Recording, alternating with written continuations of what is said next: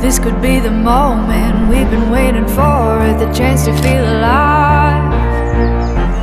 Nothing's gonna stop us, nothing's gonna top this, nothing like we've ever seen.